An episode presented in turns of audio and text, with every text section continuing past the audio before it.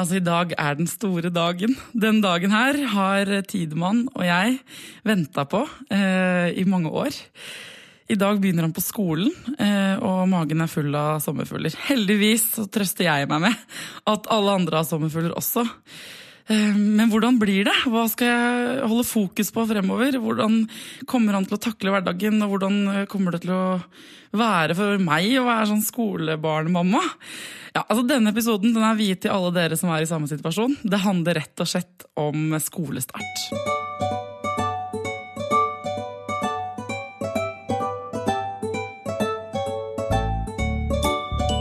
Hjertelig velkommen til Foreldrerådet, Stein Erik Ulven. Du er professor i pedagogikk ved Universitetet i Oslo og forfatter. Veldig hyggelig at du kunne komme. Takk. Du, eh, Mitt barn begynner på skolen på nå, nå, i første klasse. Eh, hva er det viktigste å tenke på når barnet begynner på skolen? Det viktigste å tenke på er at du skal gjøre barnet ditt trygg. Og hva kan du konkret gjøre da? Jo, for det aller første så vil jeg selvfølgelig snakke positivt om det å gå på skolen.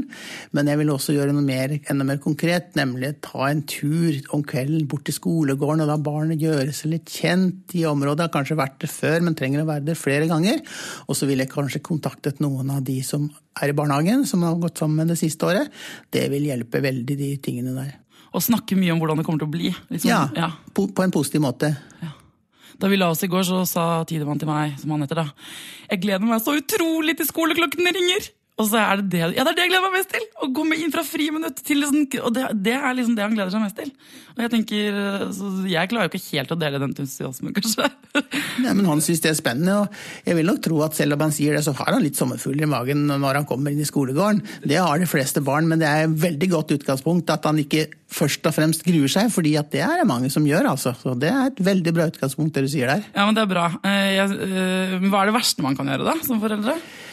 Det aller verste du kan gjøre, er at du den første skoledagen begynner å bekymre deg over at det er noen i klassen som har lært seg å lese, og skrive til og med, og at barnet ditt ikke kan det samme som de andre, da, og gir uttrykk for at 'hvordan skal dette gå', da har du virkelig gjort det store. altså. Ok, Så vi må ikke bli gærne allerede første skoledag, det er ikke lov? Nei, ikke senere heller bli gæren, da, men altså, vær stolt over ditt eget barn og det ditt barn kan. og det har ingen betydning for ditt barns fremtidige skolegang hva barnet kan den dagen begynner på skolen. Det viktigste er at barn er motivert for å lære. Og er det forskjeller, det er store forskjeller på barn. Vet du. Noen er født tidlig på året, noen er født sent. Og det er ganske avgjørende for hvor mye de kan også den første skoledagen. Men stress ikke med det. Nei, for Hva skjer hvis man stresser med det, da? Da kan du allerede så et frø som kan vokse seg veldig stort når det gjelder rett og slett at barnet kan få en dårlig selvoppfatning fordi barna ikke føler at det strekker til og kan det samme som andre. Det er jo en dårlig skolestart. Ikke at her er alle andre flinkere enn meg. Så det er veldig viktig å si at du er god på dette, og støtt barnet, følg med på barnet ditt og se at ditt eget barn gjør fremgang, og vær opptatt av det uten å sammenligne med andre. Men det, Kan man vri på det også? Fordi Hvis man for har hatt eh, et barn som har vært eh, bråkete eller veldig sjenert eller usikkert i barnehagen, da, så er det jo liksom blanke ark. Ja. Så kan kanskje, det kan jo være en ny start for folk som kanskje ikke har, eh, hvor det ikke har funka så bra i barnehagen? Ja, det kan du godt si. Det, det er mange som får en ny start på en positiv måte. Og mange blir rolige når de kommer på skolen. Det går veldig fint an. Men det er noen som får en veldig overgang til det motsatte, nemlig at de blir stressa og, veldig urolige. Men eh, det går ikke an å forutsi hvordan et barn vil reagere når det starter på skolen. Det er så store individuelle forskjeller, og det er veldig få felles kjennetegn, bortsett fra ett, og det er at det er veldig vanskelig å få en seksåring til å sitte veldig lenge stille. Det gjelder alle. Ja, Det er betryggende å høre. Det gjelder alle. Ja, Fordi det er det jeg skulle spørre om, hva, liksom vanlige, hva, kan jeg forvente meg nå? Folk sier jo sånn ja, Er barnet ditt klar for å begynne på skolen, da? Og så tenker jeg sånn ja, han er jo klar, eller jeg vet ikke, men jeg er ikke klar. Jeg skal bli skolemamma, jeg. Ja. ja, men altså, eh, før så snakker en jo veldig om å være skolemoden, ikke sant. Det har en jo kuttet helt ut, det begrepet der. For det er ikke noe som heter skolemoden. Altså, det, du må være motivert, fordi det er så store, som jeg sa, så store forskjeller at uh, det er ikke Barnet ditt er klar til å begynne på skolen når han er så motivert som din sønn er, og han venter på at skoleklokka skal ringe. Da er han klar for å lære. Nå er du veldig grei mot meg, det er veldig bra. men, uh, men vanlige reaksjoner hvis man skulle likevel sagt noen ting, da, sånn at de er kanskje mer sliten, eller hva kan man forberede seg på? Jo, hvis jeg begynner i ny jobb, så blir jeg jo ofte veldig sånn, de første ukene er det veldig mye for meg å ta inn, og jeg må legge meg litt tidligere og ta litt hensyn til meg sjøl og sånn. Eh, er det noe der, eller skal man ha litt antenne med på noe sånn Altså, Jeg vil jo ikke bekymre meg på forhånd, men altså, det kan jo være litt spesielt oppegående i den forstand at du følger litt ekstra godt med da, og ser om det er noen tegn. Altså, det normale er jo at de i hvert fall blir veldig trøtte. Da. Kanskje lettere å få i seng de første, første, dagene etter skolen fordi det har skjedd så mye. Men altså, hvis det er noen tegn på at de begynner å spise dårlig og har vondt i magen, og sånn, da bør du kanskje begynne å spørre om det er noe. Noen kan jo få det, for dette er jo en forandring, og alle forandringer Det er normalt at forandring kan medføre et visst nivå av stress. Men det trenger ikke være negativt, det er bare det at de må skjerpe seg litt. Så følg med. Er det noe triks mot stress, da, hvis man opplever at barnet er stressa og vondt i magen? Og... Nei, Det beste trikset er jo egentlig å prøve å få til en samtale om hva dette kan handle om, og eventuelt ta kontakt med læreren og snakke litt om hva det kan være. Det kan være har skjedd en episode på skolen som du ikke har fått vite om, eller et eller annet som kan ha utløst det. Så det å, det å starte med en god dialog med læreren, og det å tørre å spørre, det er jo veldig veldig viktig at du Nå, gjør det. For Man blir ikke hun masete mammaen da, med en gang. Det er jeg også litt redd for. Jeg tror mange er redd for å være sånn Hvordan går det med barnet mitt? Hvordan hadde han det i dag? Hvordan hadde hun det i dag? Altså, man blir hun fra første start. For man skal jo liksom lage en relasjon til den læreren òg, eller? De fleste lærere de har nok eh, et system på hvordan de kan gjøre det der. Og med mail og sånn, så de sitter jo ikke og svarer på mail døgnet rundt, men det kan hende de har en mailtid der du kan liksom svare på spørsmål på ettermiddag. Eh, eller en SMS. Og det er veldig korte svar som skal til for at du skal kunne bli beroliget veldig ofte bare alt går fint her. Eller, altså, eller, det var en liten episode som Det kan være to setninger som kan forklare alt. Mm. Så dette trenger ikke være en hel avhandling, så det tror jeg går veldig fint å ha noen sånne kjappe utvekslinger med læreren. altså. Hvor mye skal vi blande oss, da? Altså sånn, eh, vi, eh, begge veier, da. Eh, en ting er vi snakket om hvis de er nervøse, de barna, og man vil snakke med dem og betrygge dem hva som kommer til å skje og sånn. Men hva hvis ikke barnet virker noe nervøst, da? Jeg kan merke av og til at jeg sånn smitter han litt. Tror du det blir gøy da? Er du ikke litt grann spent? Altså, da overfører jeg liksom stress. Ja, det, det, er veldig Du er inne på et poeng der. Nå vet jeg ikke om det gjelder deg, men altså generelt så kan du si at det fins ganske mange foreldre i dette landet som nå har førsteklassinger, som har en skolehverdag bak seg som de husker veldig godt, og som de ikke er veldig positiv Det har ikke vært en positiv erfaring. Det er, det er bare å erkjenne at sånn ja. er det. Og da er det ekstremt viktig at du er bevisst på at nå er det ditt barn som skal begynne på skolen. Du er ferdig, ikke sant. Og den bekymringen du var inne på nå, kan rett og slett smitte over på barnet. sånn at da må du prøve å skjerpe deg litt på å være bevisst på at la nå ikke dette bli overført til mitt barn allerede første skoledagen. Vær positiv og si at denne historien gjentar seg ikke. Prøv å jobbe litt med deg selv på det punktet der, for det er faktisk en felle som du kan komme til å gå i. og unge de kan lese både på ansiktsuttrykk og andre ting at du er bekymret, selv om du ikke sier det. Det er, et, det, det er, veldig sant. For Første gangen jeg var inne på skolen, og jeg har ikke vært inne på en sånn gammel skole siden jeg selv gikk på skolen. Og den lukten av sånn linoleum og gymstokker og, og kritt, liksom. Selv om de ikke bruker kritt engang. Den bare sitter der. Og den brakte tilbake inn for min del. Jeg hadde det ganske gøy på skolen, jeg, altså. men den, eh, det sitter inni, langt inni kroppen der. Noen sånne minner om min egen hverdag. Og passe på å ikke prosjektere det over på eh, ja. neste generasjon, liksom. Jobb rett og slett litt med deg selv på det punktet der. Og hvis man er, kjenner at man er stressa, enten fordi man har hatt det kjipt selv på skolen, eller bare er redd for nå skal barnet inn i noe nytt, hva skal, du, hva skal, man gjøre? Skal man liksom bare ta seg et glass vin og, og tenke på noe annet? Eller? Ja. Eller lære noen avslappingsteknikker som du kan uh, bruke. Det finnes jo mange, mange, metoder som kan hjelpe deg selv til å roe seg ned med, og et glass vin er jo selvfølgelig også det tillatt. Eh, så det, det kan jo en kombinasjon kunne jo være bra. Men jeg, jeg synes at det, det, å være bevisst på at du liksom puster med magen og gi deg selv noen instruksjoner og det tror jeg det, det, Du kommer veldig langt med det. altså Sunn, sunn fornuft. Og, og, være bevisst på at du ikke skal overføre dette til barnet ditt. Men etter hvert, da, altså noen uker, når de er kommet litt inn i systemet, og, ja. og, sånn, og så ser man kanskje Hvis man ser at barnet ikke har det så bra, da. Hvis man ikke opplever at det finner hele sin plass, eller at det finner de vennene, ikke sant. Hvor lang tid skal man la det gå før man liksom gjør noe? Og hva skal man gjøre? Ja, Vennskap er et viktig stikkord, og det er også et veldig sårbart emne. da, fordi at det er vel noe av det såreste som både foreldre og barn kan oppleve. Det er at barn har problemer med å få venner, og det har jeg også eh, fått ganske mange spørsmål om. Hva gjør du da? Jeg tror at eh, det, det, det som i hvert fall ikke bør gjøre, det er å spørre hvem var du sammen med i dag?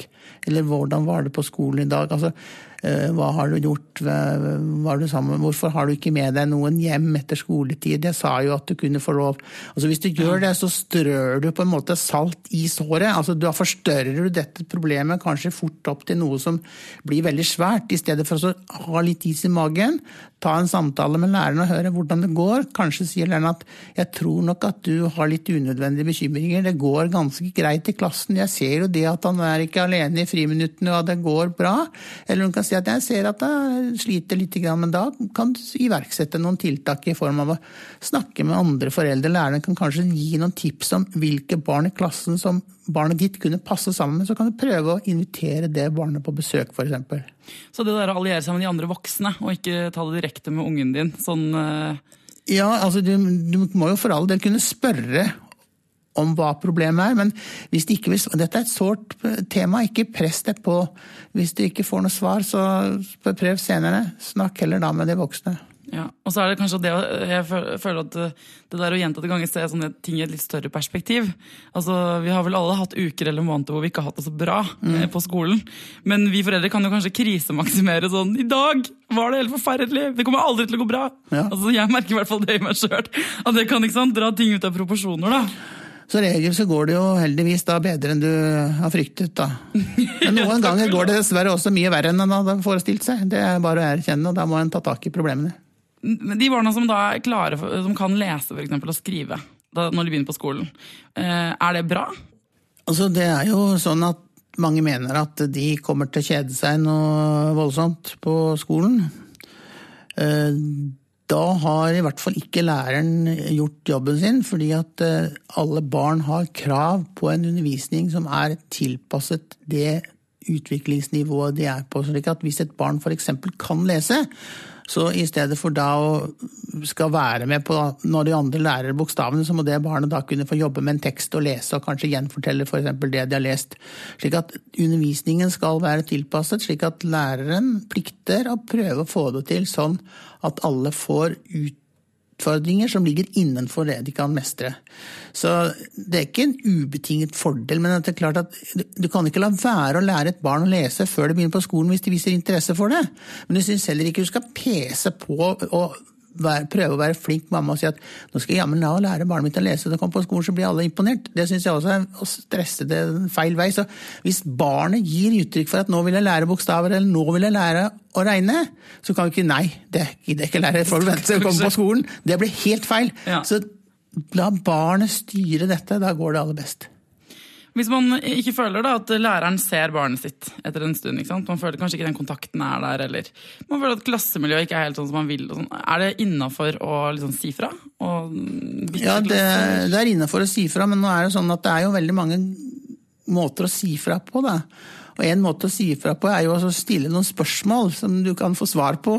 For da finner du kanskje ut om det er grunnlag for å si fra om noe. Eksempel så ja, det er noen barn som klager på at frøken har gullunger, hun har to stykker, og de får snakke hele tiden osv. Altså, hvis det er tilfellet, så er det absolutt noe som det går an å ta tak i på en, på en høflig måte. Men jeg synes at eh, det å ha en god dialog med læreren er vel kanskje det eneste som kan hjelpe deg ut av et uføre, hvis du først kommer opp i det. Så jeg vil eh, vente ganske lenge før jeg liksom begynner å gjøre noe som kan føre til en konflikt. Prøv å, prøv å samarbeide. Når det gjelder det der å uh, gå til og fra skolen, og sånn, så tror jeg det er noen skoler som har sånne egne regler. Men min unge spør sånn når skal jeg få lov å gå selv? når skal Jeg få lov å gå selv? Jeg husker selv at jeg gikk alene da jeg gikk i første klasse. Uh, det er jo mange år siden, da. Og vi bodde litt annerledes. Men hvor gamle er de, da? Hva skal vi svare dem? Når får de lov å gå sjøl? Jeg kan ikke gi deg et generelt svar på det, for det kommer an på hvor farlig skoleveien er. Noen bor jo et steinkast fra skolen og bare løper over en plen, mens andre skal krysse mange farlige eh, tofeltsveier og i det hele tatt har et veldig komplisert trafikkbilde. Og det er sånn at mange foreldre, men jeg vil mene for mange, velger å kjøre barnet på skolen. Og det kan jeg forstå. Hvis barnet har det du kan kalle en livsfarlig skolevei, så skjønner jeg at de ikke vil at barnet skal gå alene med livet som innsats. Men hvis du kjører bare for bekvemmelighetshensyn, sånn, selv om du du bor like i nærheten, så er det ikke spesielt lurt av den grunn at barnet lærer veldig lite av trafikk av å sitte i baksetet på en bil. Så da er det mye bedre å gå opp løypa til skolen hvis du tror at det er forsvarlig at barnet etter hvert kan gå alene, så bør dere trene på det ja, gå over kryss og grønn ja, mann og ja, alt det der. Ja, alt det der. Og så gå frem og tilbake, og så kanskje følge de første gangene. Og så hvis det går bra, så noen sjanser må du ta. Hvis ikke skoleveien er spesielt farlig, så skal en førsteklassing kunne gå hvis det ikke er for komplisert trafikkbilde. Men de er veldig små, og de klarer ikke å bedømme fart, og de eh, vet ikke helt når de blir sett, og når, når de ikke blir sett. Det blir veldig lett å distrahere.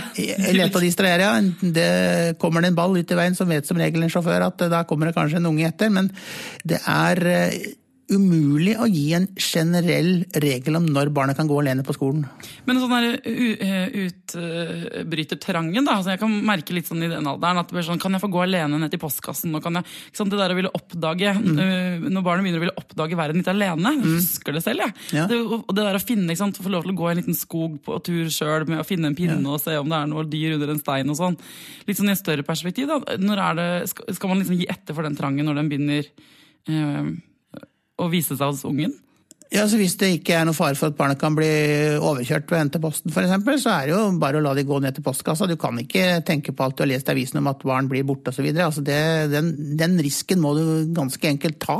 Men Har vi blitt mer nevrotiske på det? Ja, jeg tror nok at eh, noen er eh, ganske hysteriske. eh, I hvert fall noen. Og det kan jeg forstå ut fra alle oppslag som er i media. Så kan du si at du, du kan jo bli skremt, men altså hovedregelen er jo at det ikke skjer noen ting. Så det er jo Jeg mener at hvis det ikke er noen helt opplagte farer, så må du begynne å trene. Og det du sier er jo veldig lurt. At du liksom utvider aksjonsradiusen litt etter litt. Sånn at ikke skoleveien liksom helt til skolen blir den første gangen barnet går alene et sted. Du kan trene litt sånn som du har gjort. Det syns jeg høres veldig fornuftig ut. Jeg blir så glad når du sier det til meg. Man har jo litt lyst til å beskytte ungen sin hele tiden. Jeg, Ja. en, det- jeg kjenner av og til på den følelsen at det er sånn Jeg tror bare vi blir hjemme jeg, i resten av livet, du og jeg. Sånn at ikke du går ut i verden i det hele tatt. Men så må jeg liksom motstride. Jeg tenker sånn Han må få lov, han må få lov. Men hva skjer hvis man ikke gjør det?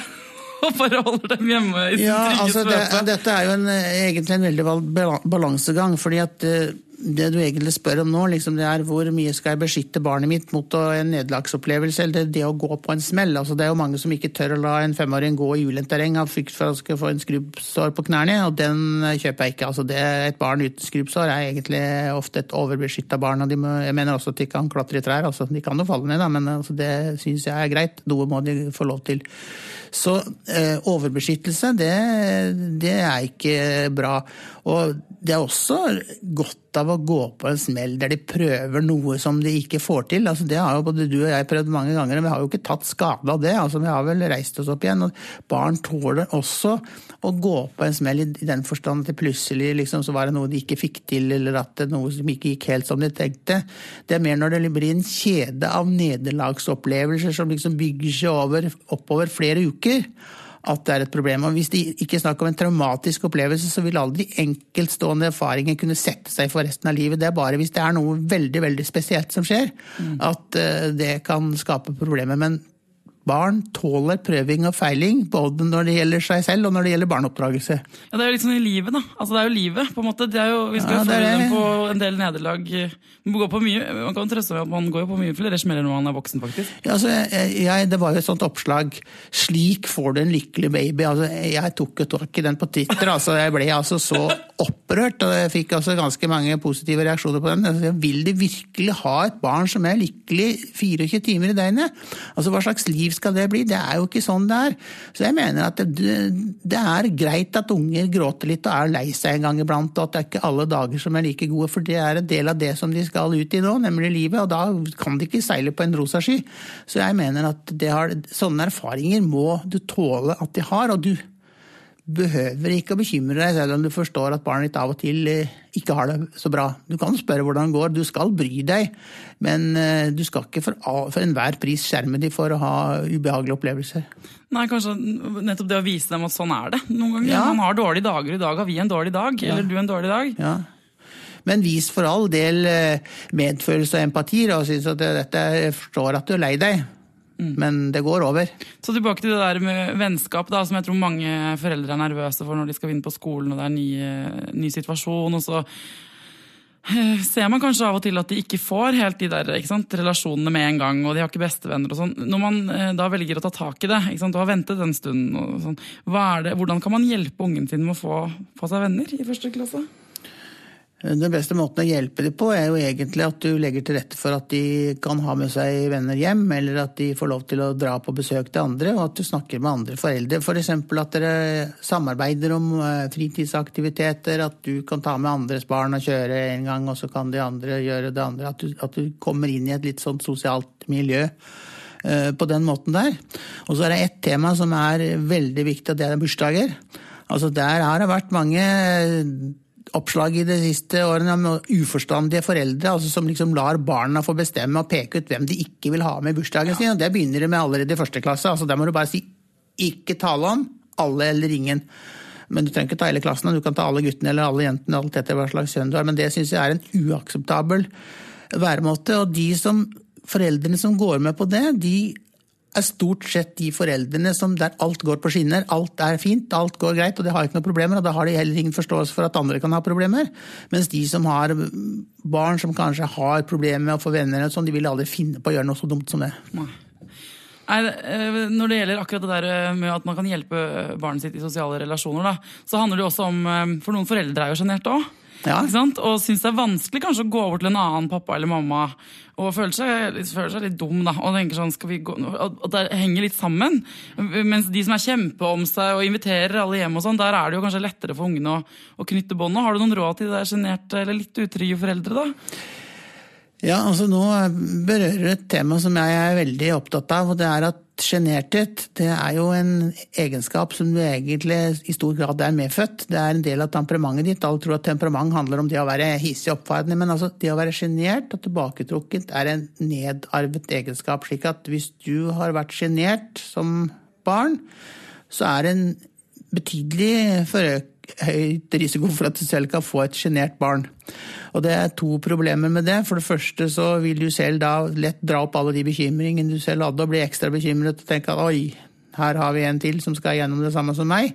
Og det andre er jo det du sier, at det sjenerthet, det, det, går på en måte ikke helt over. altså Du blir også da kanskje ganske sjenert som voksen, og da har du litt problemer med de som er sånne verdensmestere og som er veldig utadvendte og sosiale. Så det der er en vanskelig øh, sirkel å bryte, men det er bare én måte å bryte den på, og det er det som vi kaller for du må tørre å eksponere deg for det som er vanskelig. Så du må prøve å bryte sirkelen med å gjøre det som er ubehagelig mange ganger, så til slutt så vil det gå over. Og det kan du også gi forsiktig eh, prøve å pushe forsiktig på barnet ditt til å gjøre ting som du vet at han eller hun ikke er så veldig glad i. fordi at det å erfare at det ikke var så farlig som jeg trodde å gå alene i en bursdag, f.eks., det er jo den eneste måten å løse problemet på.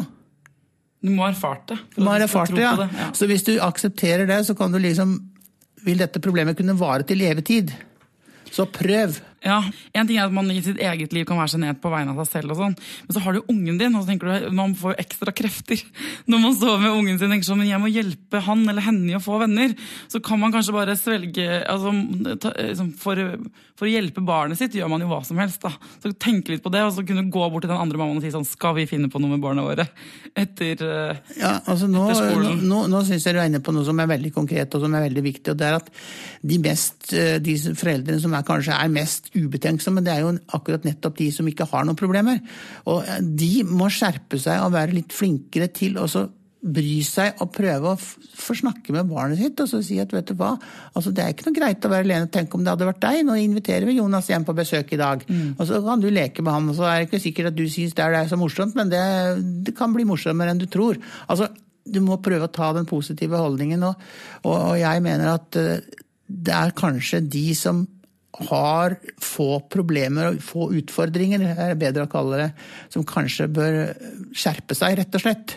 Fordi de som eh, sliter, de gjør som regel så godt de kan, og så får de da drahjelp i feil retning av de som er arrogante og flyter, surfer oppå.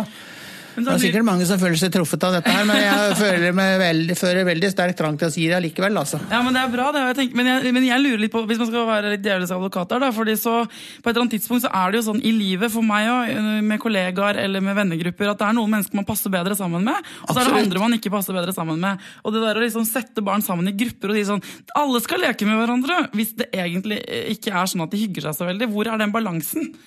Ja, den balansen er en hårfin balanse. og Jeg mener at hvis du absolutt Altså læreren vet veldig mye om dette her, så der kan læreren være en god rådgiver. Men det er helt klart at det er noe som heter kjemi, altså. Også i, når det gjelder på det sosiale plan. Det er ikke bare i realfag.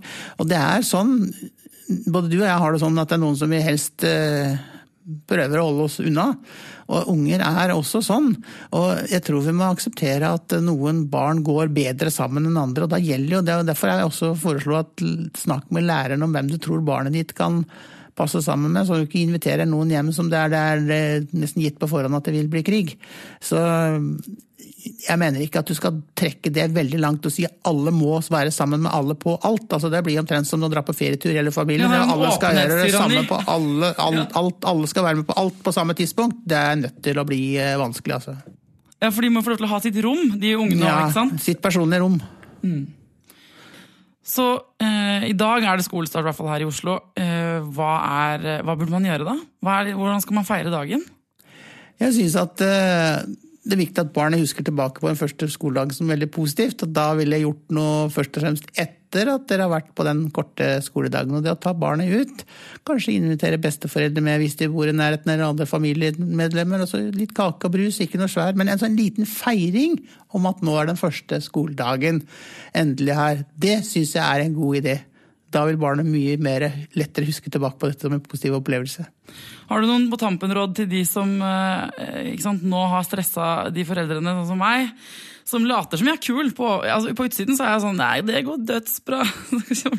Det går ikke noe problem. Og det jeg gruer meg til, er jo å møte alle de andre foreldrene. Sitte i de møtene og være hun som syns det er kjedelig. Altså, Har du noen råd til meg? Ja, Nå er det jo ikke så veldig mange møter, da, men jeg vil jo mene at det er viktig at du går på de foreldremøtene som er, for å vite hva det er. Men eh, hvis du ikke har lyst, så må du ikke Det er ikke, det er ikke taleplikt i de forsamlingene. Det er jo noen som har en kommentar til alt. Slå til der du syns du har noe å bidra med. Og gjerne positive forslag, så tror jeg det blir godt mottatt. Tusen, tusen takk for at du kom til Foreldrerådet. Takk for at du fikk komme. Bare hyggelig.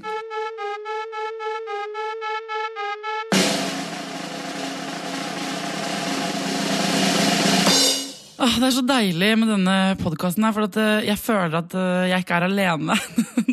når jeg sitter og snakker med folk i studio, og når jeg får mailer og sånn av dere. Så, eh, for vi er jo så mange som ikke alltid får til det der foreldregreiene. Det er veldig fint. Nå skal du få høre Andreas fortelle om en dag ikke han naila det helt. Det der med trusler, altså, det er noe vi rett og slett må bare lære oss å unngå. I hvert fall når de er tomme. Helt tomme. Jeg og min datter på fire og et halvt, vi eh, var veldig uenige om et eller annet. Jeg husker ikke helt hva det var. Eh, hun hadde mest sannsynlig vært veldig urimelig, og jeg hadde vært veldig fornuftig. Eh, men i alle fall var det blitt sånn at eh, vi har en sånn krakk som vi bruker som timeout-sted. Og så hadde jeg sagt at nå må du sitte på krakken eh, i to minutter, og da må du være helt stille. Eh, og så eh, var hun ikke stille, fordi hun er full av lopper i blodet og, sånn. Så hun eh, så sa jeg nå må du være stille. Det er hele poenget med å sitte her. Du skal være stille helt til jeg sier fra. Det tar to minutter. Eh, og nå skal du sitte stille. Og så eh, satt hun ikke stille, og så var jeg allerede så sinna at jeg sa hvis ikke du sitter stille nå, på den krakken, så eh, kommer jeg til å kaste Elsa-dukka di eh, i søpla. Og da ser du den aldri igjen. Eh, og da mm, så hun lurt på meg, og så sa hun plipp-plopp. Og, og, da bare var det et eller annet som snappa inni meg. Så da, altså Denne krakken er på kjøkkenet, da, hvor søppelbøtta er. Så jeg gikk inn på rommet, eh, henta Elsa-dokka og kjolen som hører til Elsa-dokka, og viste henne Elsa-dokka og kasta den i søpla. Eh, hvorpå hun selvfølgelig begynte å gråte. Eh, og jeg selvfølgelig følte meg som en idiot med en gang. Men da hadde jeg jo liksom eh, malt meg inn i et hjørne. Da hadde jeg liksom sagt at jeg skulle gjøre det. Da måtte jeg gjøre det. Selv om hun eh, begynte å gråte. Um, ellers så vet hun jo at jeg bare bløffer hver gang. Hun kom seg ganske fort over det, egentlig. Eh, altså sånn der og da. Men jeg kom meg ikke over det, så jeg var på jobben hele dagen og hadde helt forferdelig dårlig samvittighet. Eh, så da jeg kom hjem, så skyndte jeg meg eh, inn i søppelbøtta og stupte ned og reddet Elsa, som da hadde fått bananrester og diverse på seg. Eh, skylte henne raskt i, i, vasken, og så eh, Og så fortalte jeg da datteren min eh, pliktskyldigst at det, det, er ikke sånn at pappa får lov å kaste lekene dine fordi dere ikke blir enige. Eh, det var helt feil. Så, så, så fikk hun Elsa-dokken tilbake, da. Eh, men jeg tror det var jeg som tok det tyngst. Altså, Det der er veldig gjenkjennbart. At man eh, starter høyt med en trussel, og så er den så dårlig, den trusselen. Du må følge den opp. Jeg har kasta leker sjøl, jeg. Det er eh, Jeg skulle ønske vi kunne lobotomeres på akkurat det punktet, da. For jeg tror hverdagen hadde blitt enklere da. Eh, fortsett da, folkens, å sende meg mailer og finne Foreldrerådet-siden på Facebook. Det er lov å abonnere oss i iTunes. Da klinger jo denne episoden, nye episoden inn hver mandag. Det er veldig hyggelig. Og sende stjerner min vei og, og kjærlighet. Jeg trenger så mye kjærlighet. Og det føler jeg at jeg får i denne lille gjengen som er podkastgjengen til Foreldrerådet. Um, til neste gang, uh, ta vare på deg sjæl, ta vare på ungen din, og lykke til.